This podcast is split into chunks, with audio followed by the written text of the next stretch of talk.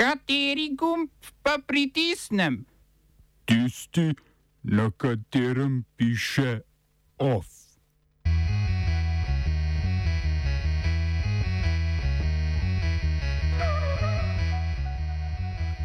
Mehika v tožbo proti ameriškim proizvajalcem orožja.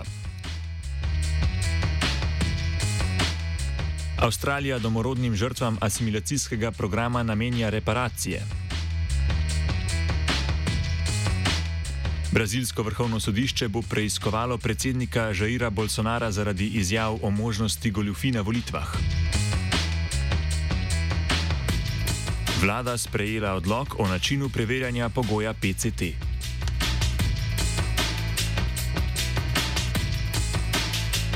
Pozdravljeni. Mehiška vlada je na sodišču v Bostonu uložila tožbo proti nekaterim ameriškim proizvajalcem orožja, ki naj bi bili so krivi za obsežno nasilje povezano s preprodajanjem drog. Podjetja naj bi škodo povzročala svojo tržno strategijo, ki omogoča nezagonite prodaje orožja narkomanskim kartelom in drugim kriminalcem. Mehika zahteva približno 10 milijard dolarjev odškodnine, končni uspeh pa je brško ne malo verjeten. Mehika ima sicer zelo visoko stopnjo umorov, v lanskem letu so jih zabeležili skoraj 35 tisoč.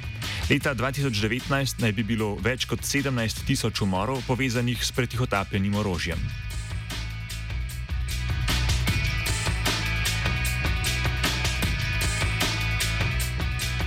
Avstralski premijer Scott Morrison je oznanil, da bo avstralska vlada ustanovila sklad, ki bo namenjen reparacijam za generacijo avstralskih domorodcev, ki so bili kot otroci na silo vzeti iz svojih družin in predani v rejništvo. Za sklad bo namenjenih okoli 237 milijonov evrov, posameznikom pa bodo namenjena finančna izplačila v višini okoli 47 tisoč evrov.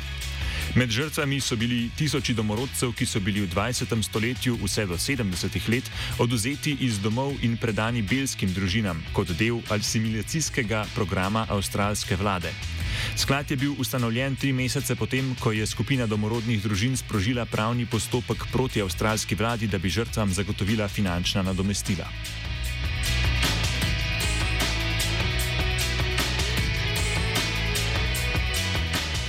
Francoski državni svet oziroma glavno francosko upravno sodišče je vladi Emanuela Macrona naložilo 10 milijonov evrov kazni zaradi, zaradi nezadovoljivega ukrepanja v zvezi s prekomerno onesnaženostjo zraka v državi. Lani je sodišče odločilo, da se vlada ni držala odredbe sodišča iz leta 2017 za omejitev onesnaženja, ki je vladi naložilo, da v šestih mesecih sprejme popravne ukrepe ali pa vsakih šest mesecev plača 10 milijonsko globo, dokler se ne izboljša kakovost zraka.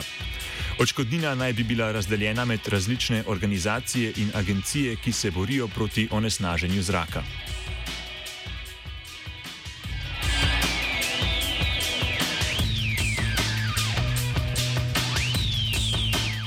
Brazilsko vrhovno sodišče je odredilo preiskavo zoper predsednika države Žaira Bolsonara zaradi njegovih izjav o možnosti prevar na volitvah. Bolsonaro, ki mu je v javnomnenjskih anketah podpora padla, že dlje časa trdi, da elektronski sistem za glasovanje omogoča možnost goljufi in zahteva, da se na predsedniških volitvah naslednje leto po elektronskem glasovanju natisnejo papirnata potrdila. Po mnenju vrhovnega sodišča gre za neutemeljene izjave, v preiskavi pa bodo ugotavljali, ali je šlo pri Bolsonarovih besedah za obrekovanje ali za spodbujanje kriminalnih dejanj. Vrhovno sodišče Bolsonarovo vlado sicer že dlje časa preiskuje zaradi širjenja lažnih novic. Ločeno preiskavo pa je ta teden odprlo tudi brazilsko volilno sodišče, ki Bolsonara med drugim sumi zlorabe položaja, neprimerne uporabe uradnih komunikacijskih kanalov ter korupcije.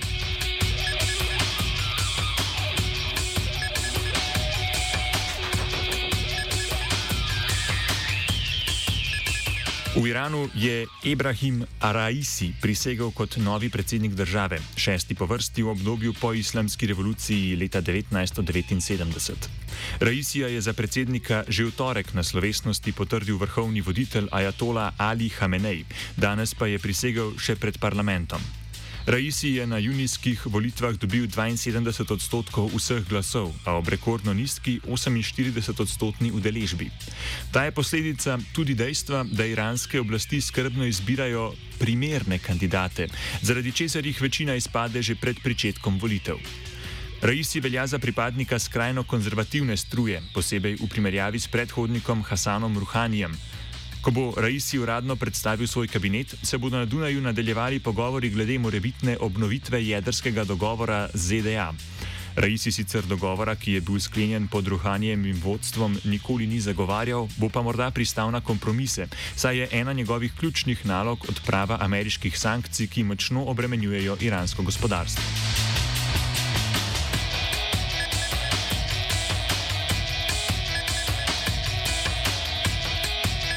Izraelska vojska je na, luk, na jug Libanona izvedla zračni napad, potem ko je bilo proti Izraelu sproženih več raket. Na jugu Libanona sicer deluje več militantnih skupin, a vir izstreljenih raket še ni ugotovljen. Izraelsko obramno ministrstvo je eskalacijo nasilja, ki sicer sledi več manjšim incidentom v zadnjih mesecih, opravičilo z besedami, da je krivda na strani libanonske vlade. Opozorilo pa je tudi pred novimi napadi na Izrael.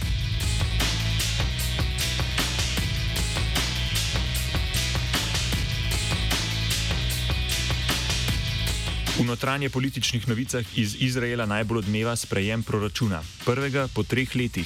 Sprejem proračuna v višini 158 milijard evrov je zadovoljstvom pospremila arabska stranka Mansurja Abasa, ki si je priborila dobrih 13 milijard evrov, ki bodo namenjeni za arabce v državi. Približno dvakrat več kot v prejšnjih proračunih. Ob proračunu so izraelski poslanci sprejeli tudi ekonomski načrt, ki med drugim predvideva zvišanje starosti za upokojitev za ženske na 65 let. Oba, če bom odgovoril na angliški.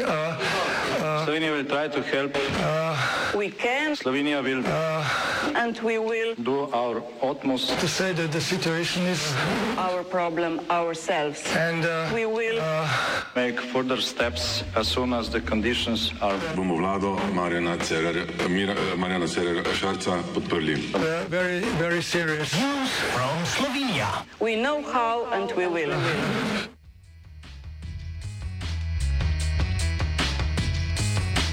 Vlada je sprejela odlog o načinu ugotavljanja pogojev prebolevnosti, cepljenosti in testiranosti, krajše PCT. Če bo preverjanje pogojev potekalo z očitavanjem kode QR v aplikaciji, bosta na upogled osebno ime ter letnica rojstva preverjanja osebe.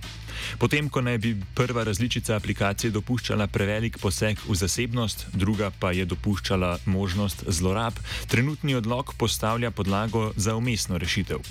Nataša Pirc Musar, odvetnica in nekdanja informacijska pooblaščenka, meni, da gre pri predlagani rešitvi za napredek. Odlok je zagotovo naredil um, en korak naprej v pravo smer, namreč sama sem že pred dnevi povedala, da se mi zdi uh, anonimizirano preverjanje izpolnevanja pogoja PCT popolnoma brez zveze in omogoča preširoko polje zlorab. Zato sem sama tudi rekla, da nimam prav nobenih težav, da aplikacija prikaže ime in primek in tudi letnico rojstva vendar pa se otegne pred uveljavitvijo aplikacije za preverjanje pogoja PCT ponovno zaplesti.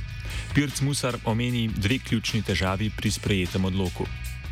Po ustavni odločbi in v skladu z ustavno doktrino se poseg v temeljno človekovo pravico ne more regulirati z odlokom. In vlada je ponovno to aplikacijo šla pisati v odlok in ne v zakon. Skratka, tukaj bo sedaj seveda informacijska povlaščenka tista, ki bo prvo vrsti preverjala, kaj je uh, s to aplikacijo prav in kaj narobe. In verjemite mi, da prva stvar, ki jo bo pogledala, bo zagotovo, ali je spravna aplikacija spisana na, pravo, na, na ustreznem pravnem temelju. Tukaj še ena stvar za omeniti. Um, vlada je v ta odlog napisala, da pravzaprav mora recimo gostinca, ne, ki preverja PCT, preveriti, če je mogoče zanesljivo sklepati, da je oseba privolila v pogled v lastne osebne podatke. To je pa popolnoma skregano s pravno logiko. Če je na eni strani uh, izkazovanje pogoja PCT obvezno, na drugi strani ne moreš pri tistemu, ki mora izpolniti pogoj, reči, da je pa pravni temelj privolitev. Glavna težava torej ostaja, da vlada zadeve, ki zadevajo človekove pravice, poskuša urejati z odloki. Zaradi tega je ustavno sodišče razveljavilo zakon o nalezljivih boleznih. osnova ustavnega prava in naša ustava in mednarodne evropske konvencije z področja temeljnih človekovih pravic v tem segmentu jasne. Človekovo pravico se lahko meji samo z zakonom. In to je rule of law, to je, to je lejte, osnova demokracije in vladavine prava. Ne želimo si urejanja in posegov v naše pravice s pomočjo odlokov. To na dolgi rok ne bo dobro. In, in ustavno sodišče je ravno zaradi tega razveljavilo zakon o nalezljivih boleznih, ker vladi dopušča v tem famoznem 39. členu, da posega v človekove pravice za odloki. OF je pripravil Jure.